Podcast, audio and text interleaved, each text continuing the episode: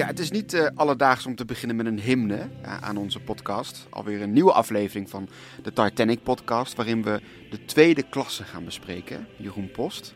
Ja, klopt. Ja, het, is, uh, het zet de toon al een beetje voor de aflevering. Ja, want die laatste zin, for those in peril on the sea, voor, die, voor diegenen die het moeilijk hebben op zee, uh, daar gaat deze hymne over. En die hebben we niet zomaar uitgekozen natuurlijk. Het is een nummer wat op de Titanic is gespeeld. Niet tijdens die fatale nacht, maar al eerder op de dag, op de, tijdens de zondagsdienst eigenlijk, is hij zowel ja, door de passagiers... Ja, de laatste zondagsmis is hij door uh, passagiers van de tweede en de eerste klasse gezongen. Uh, en de reden dat we hem uitkiezen is, is ja, omdat hij natuurlijk bijna profetische woorden heeft. Ja, inderdaad. De mensen die dat zongen konden niet weten dat ze nou, 24 uur later iets meer zelf uh, on peril of in peril on the sea zouden zijn. En uh, ja, dat geeft het natuurlijk weer een ironische lading. Ja, waar precies. we nu al bekend mee zijn met de Titanic. Nee, het zit natuurlijk vol met allemaal tegenstrijdigheden en, ehm, en, en bijzondere verhalen natuurlijk. Um, en vandaag kiezen we voor de tweede klasse. Dus we, pakken de eerste, de tweede en de derde klasse in een losse aflevering. Ja. En die tweede klasse is ook wel een hele interessante, want in die klasse reisden ook de acht muzikanten van de Titanic mee. En over hun gaan we het vandaag hebben. Ook over de muziek die aan boord is gespeeld. En ja, dat beroemde laatste nummer. Welk nummer Welke was is nou als laatste op de Titanic gespeeld, vlak voordat het schip ten onder ging? Ja, dat is weer een van die uh, klassieke Titanic-raadsels, waarbij we eigenlijk gewoon niet weten wat er is gebeurd. Of misschien zeg ik het dan al een beetje voor, maar we kunnen in ieder geval wat uh, goede nou, mogelijkheden aandragen. Nou ja, dus mensen kunnen verwachten dat we het inderdaad over de, over de tweede klasse gaan hebben. Dat we het over de muzikanten gaan hebben. We gaan weer kijken naar hun leven en hoe zij nou ja, op die boot zijn gekomen. En uh, wat ze hebben gedaan tijdens die laatste nacht. Maar we gaan natuurlijk ook hebben over de muziek zelf. En uh, we zijn van plan aardig wat uh, nummertjes in te draaien. Ja, we gaan veel muziek draaien. Ik voel me een beetje een soort radio-dj vandaag. Ja, precies. Dus, radio, radio 4. Ja.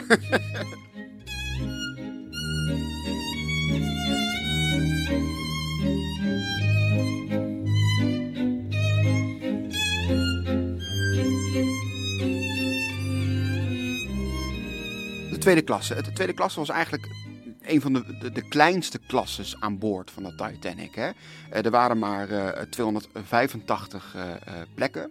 Als je dat afzet tegen de, de, de 2200 passagiers aan boord, eh, had je dus eigenlijk een hele kleine groep die tweede klasse uh, reisde. En het interessante er ook aan was, was dat het eigenlijk zo luxe was dat het op, met heel veel eerste klasses op andere schepen concurreerde.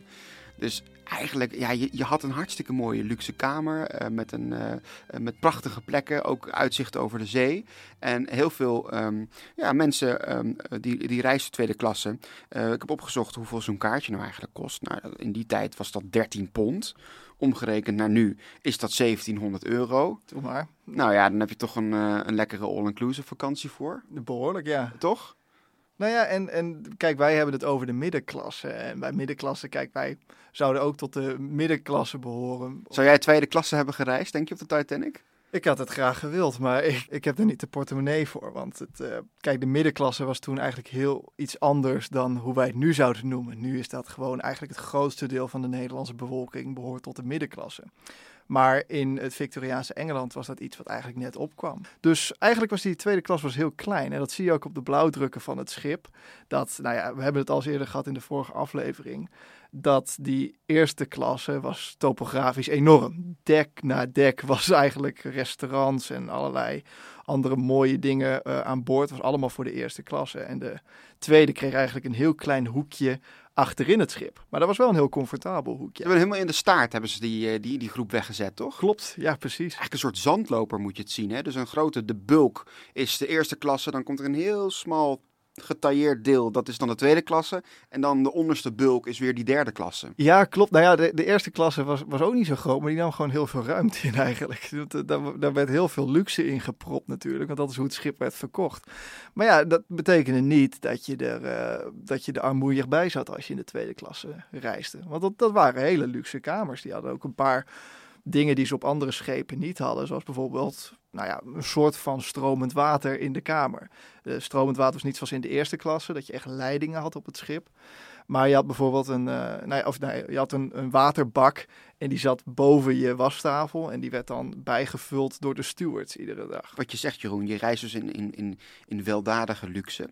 Uh, niet zo weldadig als de eerste klasse, maar ja, dat, dat nee. wisten we natuurlijk, dat was echt absurd. Zelfs voor, voor deze tijd nog. Uh, maar er waren wel gewoon hele, um, ja, zeg maar maatschappelijk uh, betrokken mensen die in die tweede klasse reisden. Bijvoorbeeld uh, katholieke priesters of uh, leraren. dat, soort, dat soort mensen die gingen mee met de tweede klasse. En ook de muzikanten van de Titanic. Er zijn ja, er acht. Klopt. En die zijn natuurlijk het, het beroemdst geworden omdat zij dus op die fatale nacht nummers zijn blijven spelen op het dek. Terwijl alles om hen heen uh, mm -hmm. werd verwoest. Maar die, die reisden ook, uh, ook tweede Ja, klopt, want die waren ingehuurd door een uh, los bedrijf. Dus dat was niet een onderdeel van de bemanning. Nee, die moesten eigenlijk als passagier mee. Nou, en omdat ze natuurlijk ja, ook gewoon die tot de hoogste klasse behoorden, gingen die in de tweede klasse, kregen die een kamer. En die moesten ze ook nog voor een deel delen met elkaar. Maar ja, die, die tweede klasse, kijk, het was niet zo, uh, zo extravagant eigenlijk als die, die eerste. Maar in principe ja, zat je daar eigenlijk heel goed. Want had ik een paar hele aardige um, faciliteiten voor uh, de passagiers. Je had een heel mooi uh, buitendek, dus die promenade waar je mooi naar de zee kon kijken. Het enige nadeel aan die promenade was dat daar de reddingsboten werden neergezet. Dus die uh, konden niet op het nou ja, dek van de eerste klasse natuurlijk. Maar ja, niet. Dus je had wel, je uitzicht werd wel belemmerd door een paar reddingssloepen. Dat wel. Dat, uh, dat is het nadeel. Maar je had wel heel, hij was wel heel ruim in, uh, in tegenstelling tot die van de eerste klasse. En je kon mooi rondlopen. Bij die andere klasse, daar zat je vaak dat je dan in het vaarwater van de andere klasse kwam. Dus dan moest je je steeds weer een beetje ongemakkelijk omdraaien en weer teruglopen als je, ja, als je tegen de grens van waar jouw klasse heen mocht uh, kwam.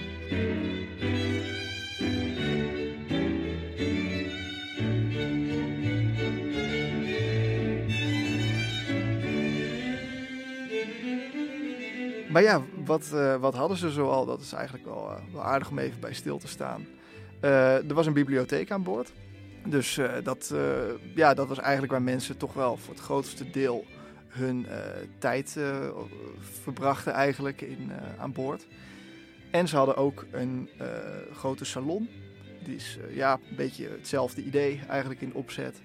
En daarna was er nog een restaurant. En ja, in tegenstelling tot de eerste klas had je geen keuze waar je ging eten. Het was gewoon in het restaurant. En je had helaas ook geen keuze in naast wie je aan tafel zat. Want dat uh, werd helaas voor jou bepaald door de White Star Line. Dus je kon maar beter hopen dat je gewoon een aardige buurman had. En... Toch een soort blind date. Lijkt me ook wel weer leuk, toch? Dat je op reis ja. gaat, dat je dan allemaal nieuwe mensen ontmoet. Ja, klopt. Tenzij je iemand hebt die alleen maar over zijn werk praat. Of uit zijn mond stinkt. Of weet ik veel ja, wat. Dat is dan wel weer vervelend. Maar ik, ik, ik, heb even zitten opzoeken en um, de tweede klasse had uh, een, een, aantal hele um, interessante passagiers. En ja, misschien wel de beroemdste van allemaal is een leraar. En die man heette Lawrence Beasley. Spoiler alert, hij heeft het overleefd. Okay. En uh, hij is ook degene die uh, negen weken na de ramp heeft hij een boek geschreven over uh, de Titanic. Negen weken na. Negen weken. Dus hij was eigenlijk de eerste die aan een groot publiek zeg maar, het hele verhaal kon brengen. En dat maakt hem natuurlijk historisch gezien gewoon een ontzettend belangrijk en interessant uh, figuur. Hij is door zijn zoon nog een keer geïnterviewd in de jaren zestig. En ik heb daar een, een geluidsfragmentje van gevonden. En wat mij vooral opviel is zijn prachtige, een soort van Downton Abbey-achtige dictie. After dinner, Mr. Carter invited all who wished to the saloon and to the accompaniment on the piano of a young Scottish engineer going out to join his brother fruit farming at the foot of the Rockies. He started some hundred passengers singing hymns. It was curious to see how many requested hymns dealing with dangers at sea. I noticed the hushed tone with which all sang the hymn for those in peril on the sea. The singing went on until about 10 o'clock, and there were several stewards standing about waiting to serve biscuits and coffee before going off duty. Mr. Carter brought the evening to a close, thanking the purser for the use of the saloon and saying a few words on the, the happiness and safety of the voyage hitherto. Ja, en hij heeft het dus ook weer over dat nummer, mm -hmm. um, Eternal Father. Waar we het dus net over hadden. Ja. Hij, hij, benoemt ook eigenlijk hè, dat er zoveel nummers werden uh, aangevraagd, uh, hymnes werden gezongen, die iets te maken hadden met, met ramp eh, eh, met rampen op zee. Met Hmm. scheepsrampen en al dat soort zaken. Dus het hing een beetje in de lucht eigenlijk. Bijna profetisch is Al het eigenlijk. rampspoed. De rampspoed hing in de lucht. En eh, hij beschrijft ook eh, in een eerder stuk van het interview dat hij ook voelde dat de lucht ook kouder werd. Ehm, ook alweer zo'n profetische tekst. Dus je, je voelde dat je ook een kouder front invaarde, zeg maar. Waar natuurlijk al die ijsbergen in, eh, in konden floreren. Ja, inderdaad. En dus, dus, dus deze man, Mr. Beasley, is een hele interessante eh, historisch figuur geworden. Ook in, eh, eh, zeg maar in alle verhalen die hij heeft opgeschreven. Ik vind het wel imposant dat hij dan negen weken nadat dit gebeurt al, nou ja, in, in zo'n staat is dat hij een boek kan schrijven. Ik bedoel, dat, dat is toch wel indrukwekkend. Hij wilde Absoluut. waarschijnlijk eh Ja, en hij is of his mind hebben. fresh of his mind. Hij is uiteindelijk op 89-jarige leeftijd eh, in, eh, in 1967 overleden. Ehm, hij wordt ook in, eh, in een aantal films ook geportretteerd. Dus eh, het is ook een, een figuur die terugkomt. Ehm, maar wat ook wel heel interessant is, is, is we hadden het natuurlijk over dat eh, eh, vrouwen en kinderen natuurlijk als eerste van boord mochten. Ja. Dus, dus hoe heeft hij het dan overleefd? Nou, ja, hij is eh, in, in, ehm, in het reddingsbootje nummer 13 gestapt. En dat was eigenlijk op een moment eh, dat er nog weinig vrouwen en kinderen aan, aan dek waren. Je, je noemt het eigenlijk al, hè? de reddingsboten waren op de tweede klasse. Ja, dus dus er, was verder helemaal niemand die eh, in dat bootje kon stappen. En toen werd hem eigenlijk verteld van, joh, je mag nu plaatsnemen op, in de reddingssloep. En zo is hij eigenlijk heel rustig, zonder dat er paniek was of zonder dat er echt heel veel ja, eh, aan de hand was verder, is hij, is hij te water gelaten. Als er een manier was om de Titanic te overleven, dan is, was dat het eigenlijk wel. Ja, misschien wel, ja. Hij was gewoon op het juiste plek op het juiste moment. Ja, Maar toen sloeg bijna nog het noodlot toe. Want ehm, eh, uiteindelijk, zeg maar, eh, de reddingsboot werd, eh, werd naar, naar beneden gelaten. Maar stortte nog bijna op een andere reddingsboot. Nou, Die ook naar beneden werd gelaten. Nummer, nummer 15. ja, Voor, de, was natuurlijk voor de volledigheid. chaos, Dus ja. het was één grote chaos. Uiteindelijk nog, nog bijna klapten ze op elkaar. Toen heeft een van die, die zeelieden heeft nog net een paar katrollen los kunnen snijden. Waardoor hij dus net op tijd in het water is geland. Waardoor je dus een, een, een, ja, een andere ramp eigenlijk eh, binnen de ramp alweer hebt kunnen voorkomen. Ja, inderdaad. Eh, ja, er zijn zoveel verhalen van waar het echt ook maar weer net, net goed gaat. En dat had nog op zoveel meer manieren ook fout kunnen gaan. eh. Ja, absoluut. Eh, hè, dat als je kijkt inderdaad, ze hebben wel eens uitgezocht hoe lang duurt het voordat je zo'n reddingsboot naar beneden kunt halen. Nou ja, dat duurt een half uur met die katrollen en met, die, het, het, met al die touwen die je los moest maken en snijden. En het is niet een heel efficiënt systeem geweest. Ja, want we hebben het al gehoord eh, uit het perspectief van natuurlijk eh Lightoller en Murdoch. Die evacuatie, een beetje het top-down perspectief. Ja, hè, tot, tot dat ze echt een gevecht tegen de klok moesten voeren. Ja, precies. Maar gewoon voor de normale bemanning was het ook één groot pandemonium om te, om te kijken hoe je al die paniekerende mensen ja, toch in een beperkt aantal plekken op die reddingsboten kan krijgen. Precies. Nou ja, en, en dat brengt ons natuurlijk, hè, de, de paniek aan boord brengt ons natuurlijk ook eh, eigenlijk op ehm, eh, bij de rol van de muzikanten. Ja, want dat, eh, dat is eigenlijk hun eh, voornaamste functie geweest eh, op, op die nacht. Om een beetje de moed erin te houden of om te kalmeren. Want volgens mij had de leider van de band dat van tevoren ook al eens een keer verteld. Ja, Wallace Hartley is, is, de, is de leider natuurlijk van de band. van een, eigenlijk, het- waren twee bands. eentje van een clubje van drie en eentje van vijf. En ze speelden zeg maar op die fatale nacht samen de, de nummers. Ehm, en inderdaad, het is dus zo dat eh, nou ja, goed, de muzikanten hadden een hele belangrijke rol aan boord. Mhm. Eh, muziek speelde sowieso een hele belangrijke rol tijdens het diner, tijdens de kerkdiensten, al dat soort zaken. En eh, toevallig had hij inderdaad, die bandleider, in een, in een interview gezegd, een paar maanden eerder, van ja, als een schip ten onder gaat, dan is het ook de rol van de muzikanten om de rust te bewaren. Ja, dus eigenlijk. Weer zo'n profetische tekst. Daar zit Titanic toch helemaal vol van eigenlijk. Ja, want eigenlijk had hij dus, was het dus al van tevoren een beetje voorgenomen. Van dat, dat is hoe, hoe we het moeten aanpakken als het. eh, Ja, als er iets misgaat, als er, als er paniek uitbreekt of, of, de, of de mensen moeten gekalmeerd worden, dan Mhm. is het de rol aan de muzikanten. Dat was ook een overleg met de White Star Line. Dan is het de rol aan de muzikanten om, om, om zeg maar eh, te spelen, om muziek te spelen. Oké.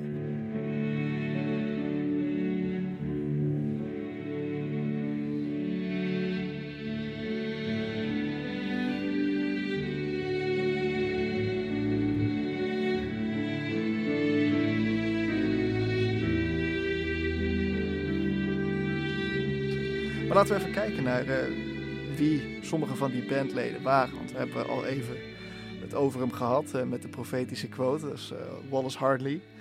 En dat is eigenlijk de, ja, dat was de, de bandleider. Want het is misschien wel goed om even uit te leggen. Dat was niet één grote band. Er waren acht muzikanten aan boord. En die vormden niet één grote groep. Nee, je had een, een quintet, dus een vijftal van volgens mij piano, cello en viool. En die speelden eigenlijk vaak bij het eten en in de, in, ook volgens mij tijdens de mis. Deze hymne die we aan het begin hebben genoemd, ja, Precies. Eternal Father. Dat werd dus begeleid door die vijf muzikanten.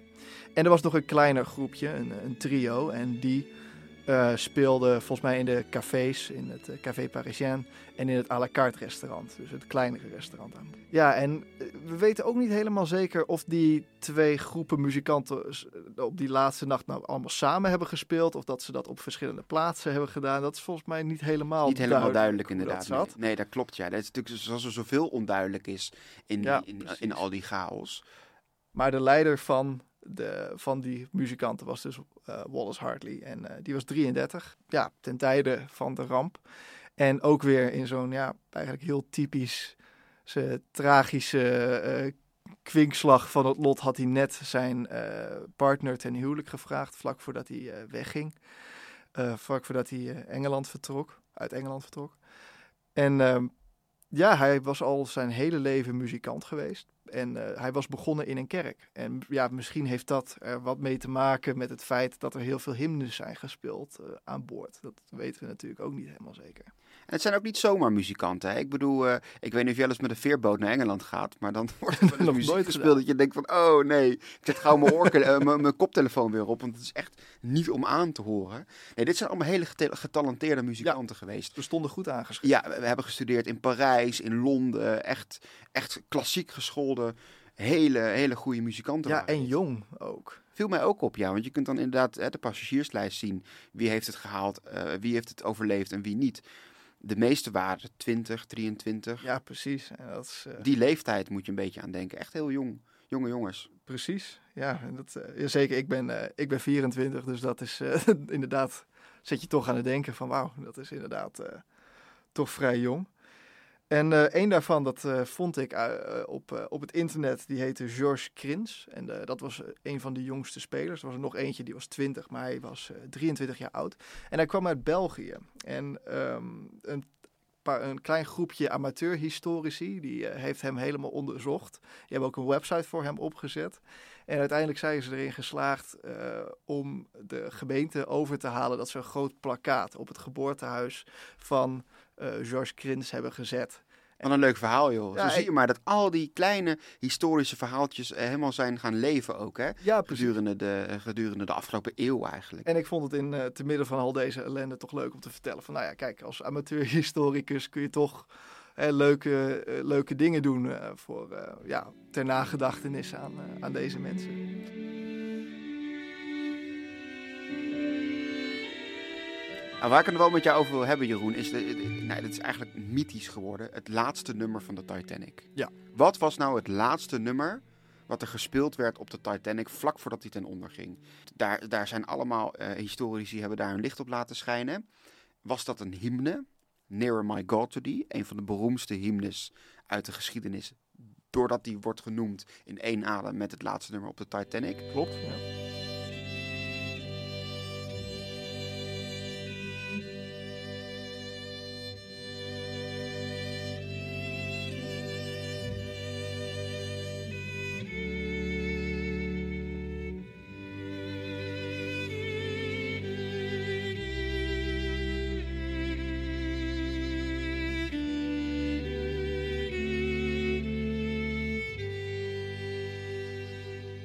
Of was het toch een wals?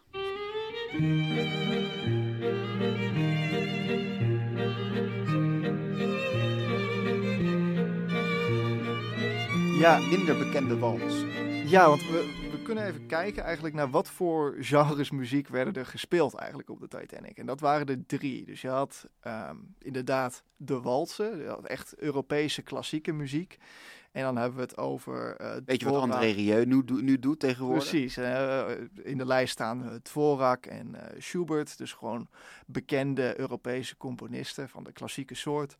ze hebben hymnes, dus echt kerkelijke liederen. En ragtime.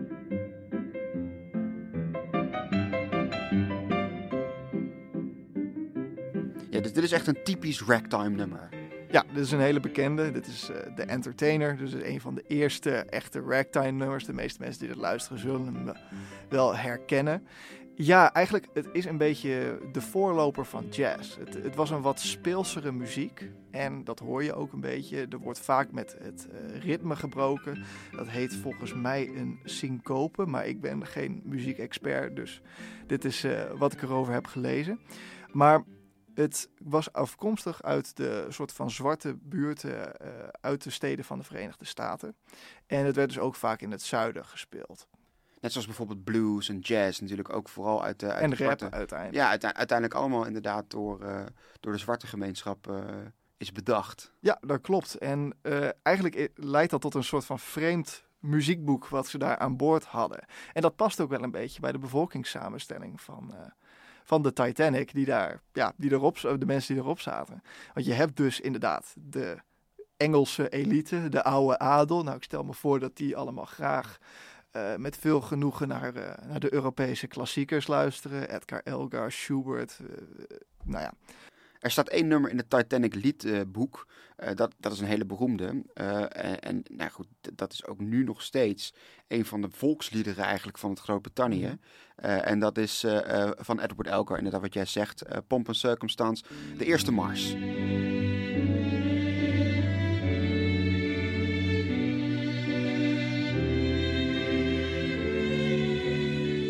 moet hier denken aan mijn slagingsceremonie. Nou ja, het is natuurlijk echt extreem episch ook. Ja, klopt. Ik bedoel, uh, dit, dit, is natuurlijk, het is bijna Hans Zimmer, weet je wel. Ja, dit heeft natuurlijk iets, uh, het, het is een beetje heroïs inderdaad, maar ook, het heeft wat elegants.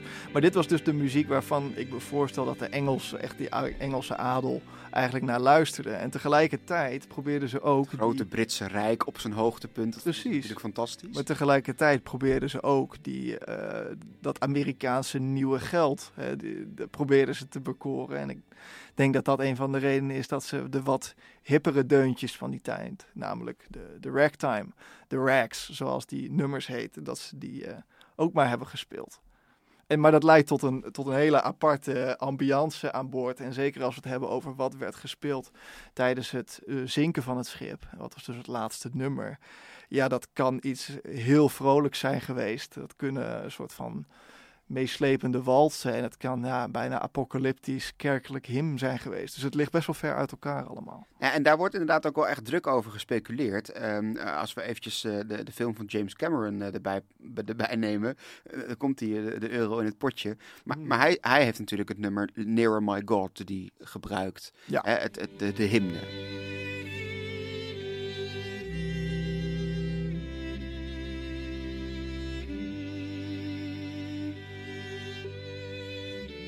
Klopt, ja. En dat is eigenlijk, ja, over het algemeen is dat de muziek uh, waaraan mensen denken als ze het hebben over dat laatste nummer. Hè, de, de soort van de zwanenzang van de Titanic. Dan gaat het toch wel vaak over Nearer My God to Thee.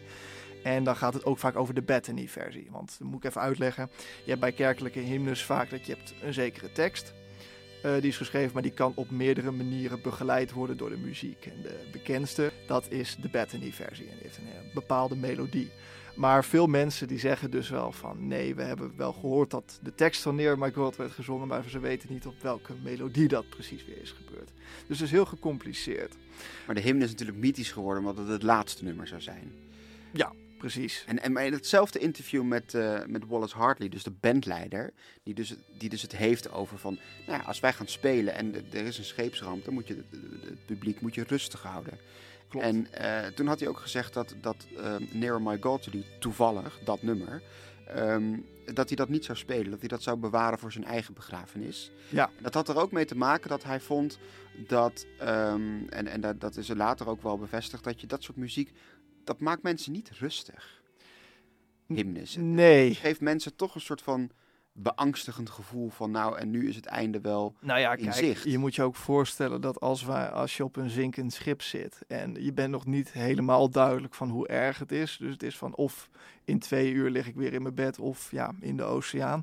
En iemand begint letterlijk te spelen van, nou ja, dichter mijn God tot u en uh, over de hemelpoort en over dat soort dingen. Dan ga je je toch wel zorgen maken. En dan denk je je toch van, nou ja, laat maar in die boot komen. Precies, dus, dus wat, wat er waarschijnlijker is gebeurd, en dat wordt ook weer bevestigd door een aantal um, passagiers aan boord, ook een van de laatste passagiers die aan boord waren, dat het waarschijnlijk dus wel ragtime was en walsen ja. die gespeeld werden door het, uh, door het orkest. Ja, want uh, ook uh, Archibald Gracie die heeft zich er nog over uitgesproken in zijn boek. En die zei ook van, nou ja, als, als ik, als zij Near My God, die hadden gespeeld aan boord en ik had dat gehoord, en dat had ik zeker gehoord, want ik ben heel bekend met het nummer, dan was ik daar wel echt flink boos op geworden. Dan had ik het een compleet smakeloze keuze gevonden. Zoiets omschrijft hij.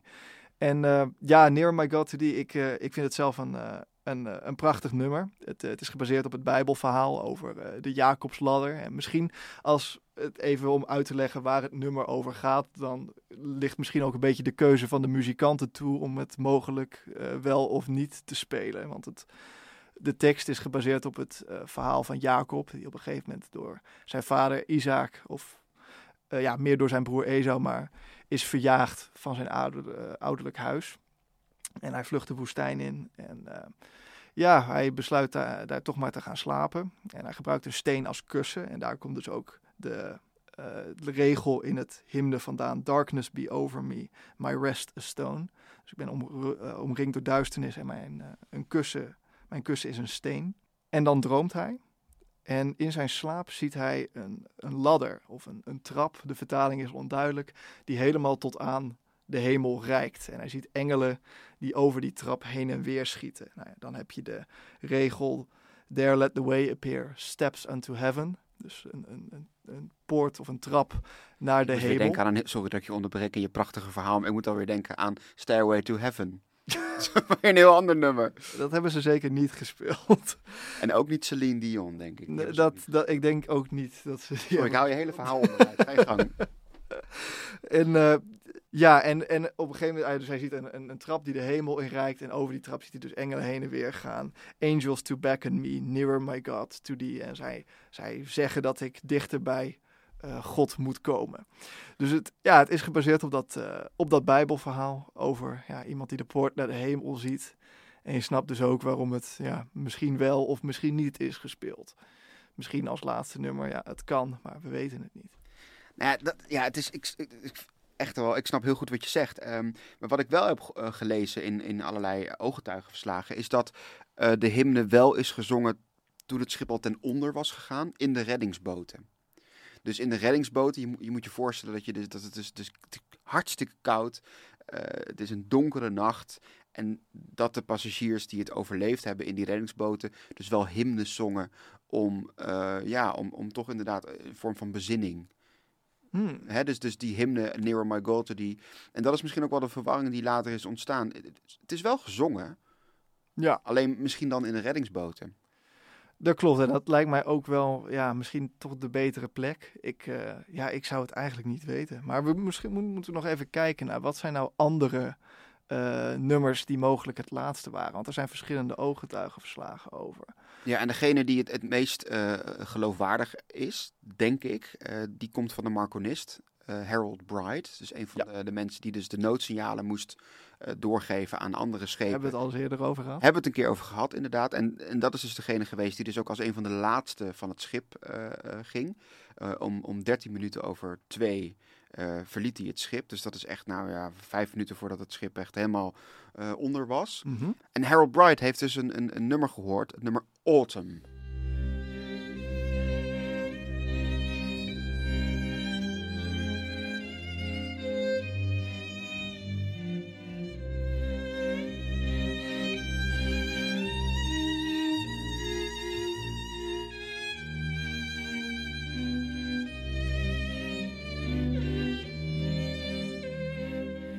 Dit heeft natuurlijk ook ja, wel iets tragisch, maar het is net iets minder. Ja, het, is niet dat je je ziel uit je borstkas wordt getrokken terwijl je er naar luistert. Dus ja, misschien is het een iets, uh, iets genuanceerdere keuze. Het zou kunnen. Ik heb zelf ook een theorie daarover. Maar is dit nu een hymn of is dit een, een wals? Of wat, wat is dit voor Dit, uh, dit is een hymn. Dit is een hymn. En, en daarom heb ik er een, een theorie over. En ik, ik weet niet of andere mensen die, uh, die ook hebben. Dus reageer vooral. Of dat die al bekend is. Dat kan ook trouwens. Maar zoals ik al eerder uitlegde, een uh, hymn, dat kan dus op. Je hebt een tekst en die kan op verschillende melodieën worden gezongen. En Autumn is een van de melodieën waarop Nearer My God to Thee kan worden gezongen.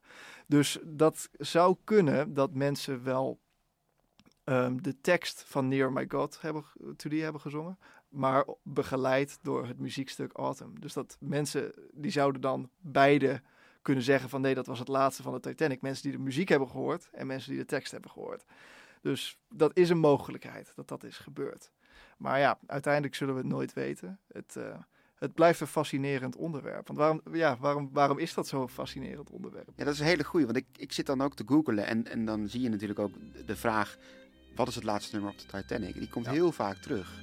En, en, iedereen schrijft daar elk jaar weer over. Als de Titanic weer uh, zoveel jaar gezonken is, gaat het weer over dat nummer. Ja. Dus het spreekt op de een of andere manier ook tot de verbeelding. En ik denk ook wel dat uh, die muzikanten ook wel een hele bijzondere rol hebben gekregen in de geschiedenis. Die acht muzikanten.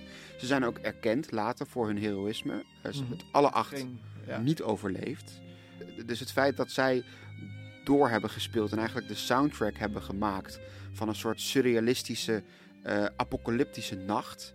Je moet je voorstellen dus dat alles om je heen ja, verandert, gaat kapot. Uh, uh, mensen verdrinken, mensen worden naar, beneden gezogen. Er is op het laatst toch echt wel paniek. En je hebt een soort constante in vrolijke, mooie muziek. Ja. Dat dat het enige is wat je herkent. Het geeft een heel absurdistisch beeld eigenlijk. Dat geeft een heel absurdistisch beeld. En dat spreekt zo enorm tot de verbeelding. Dat, um, dat ik denk dus dat die muzikanten terecht een hele belangrijke rol hebben gekregen. Uh, en dat dus het, het laatste nummer, het, het, fatale nummer eigenlijk, de, de, de zwanenzang zeg maar, dat dat ook gewoon een hele, ja, dat dat, dat, dat mensen gewoon enorm tot de verbeelding uh, spreekt. Ja, het is ook een, een kwestie van verplaatsing natuurlijk, want je kan dan heel even, hè, je, je kan het even horen van hoe zo'n nacht ook voor een deel heeft geklonken. Dus, dat, dat, dus ja, ik kan ook zeker aanraden, ja, je moet het niet doen als je er even doorheen zit, doe het als je je toch al wat beter voelt, ga dan vooral even naar Spotify. Want je hebt een, uh, een, een, groep, een band eigenlijk. Ook van volgens mij acht leden. Ja, Il Salonisti heet Il Salonisti. En die heeft alle nummers die in het muziekboek van de Titanic stonden. Of alle nummers die op die fatale nacht zijn gespeeld. Ja, hebben ze, die hebben ze ingespeeld. Hebben Daar ze laten we nu ook wat van horen. Dus, ja, uh, precies. Nee, die Spotify-lijst is absoluut de moeite waard. Hij heet ook uh, And the Band Played On, wat natuurlijk een prachtige titel is. Ja, en wat ook een uitdrukking is geworden. Ja. And the Band Played On. Dus alles om je heen, dat gaat zeg maar even naar de vernieling. Maar je speelt door. En dat is dat, nou, dat, dat, dat, dat stoïcijnsisme, dat is on, ongeëvenaard eigenlijk. Absoluut, absoluut. En ik heb nog één laatste dingetje. En dat is namelijk dat uh, ik weet dat jij ja, een, uh, toch een verzamelaar bent. En toch het, uh, dat allemaal interessant vindt. En dat is de... Ik heb niks van de Titanic, hè, origineel. Dat zou ik zo Niks? graag willen, helemaal niks. Nou ja, je kan het hebben, maar je moet wel diep in de buidel tasten. Want namelijk de viool van Wallace Hartley, waarop hij heeft gespeeld, is geborgen. Of tenminste, Echt waar? Dat wist ik zeggen helemaal niet. dat dat de viool van Wallace Hartley is.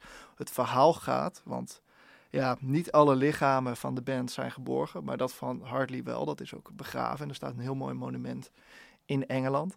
Maar hij had zijn viool nog vast, of die had hij in een buidel om zich heen. Die viool die hebben ze, nou ja, die hebben ze uh, naar, naar Amerika gebracht, hebben ze ook uh, goed onderhouden. En hij is in 2013 verkocht voor 1,25 miljoen euro. Omgerekend. 900.000 Jeetje. Britse pond met inflatie. Zo. Dus uh, ja, door een Jeetje, Engelse, uh, onbekende Engelse investeerder, die heeft het, uh, heeft het gekocht. Maar is het voor een museum gekocht of is het een particuliere verzamelaar? Ze hebben het eerst rond laten reizen. Dus ze hebben hem eerst tentoongesteld op verschillende plaatsen. Ook ja, met een beetje cynische bedoeling om de, de interesse te wekken. En daarna gingen ze hem, ging hij onder de hamer. Dus dat, ja. En dat soort dingen zijn natuurlijk onbetaalbaar. Daar, daar kun je nooit, eh, hoe moet je daar nou een prijs aan hangen? Het is, het is Ja. historisch zo'n belangrijk object geweest. Ja, ik voel me dan toch altijd een beetje Indiana Jones erin. It, eh, it belongs in a museum. Dus dat Dat eh, vind ik ook, ja. vind ik altijd vind wel, ja. ja, ja, nee, absoluut. gaat me toch een beetje aan het hart als je dan hoort dat dat eh, door een particulier is opgekocht. Maar ja, het blijft een, eh, een prachtig stukje geschiedenis natuurlijk. En eh, ja, herinner toch aan eh, een nacht vol heroïek eh, wat betreft die eh, acht muzikanten. En de band played on. Volgende week, derde klasse. Derde klasse gaan we doen.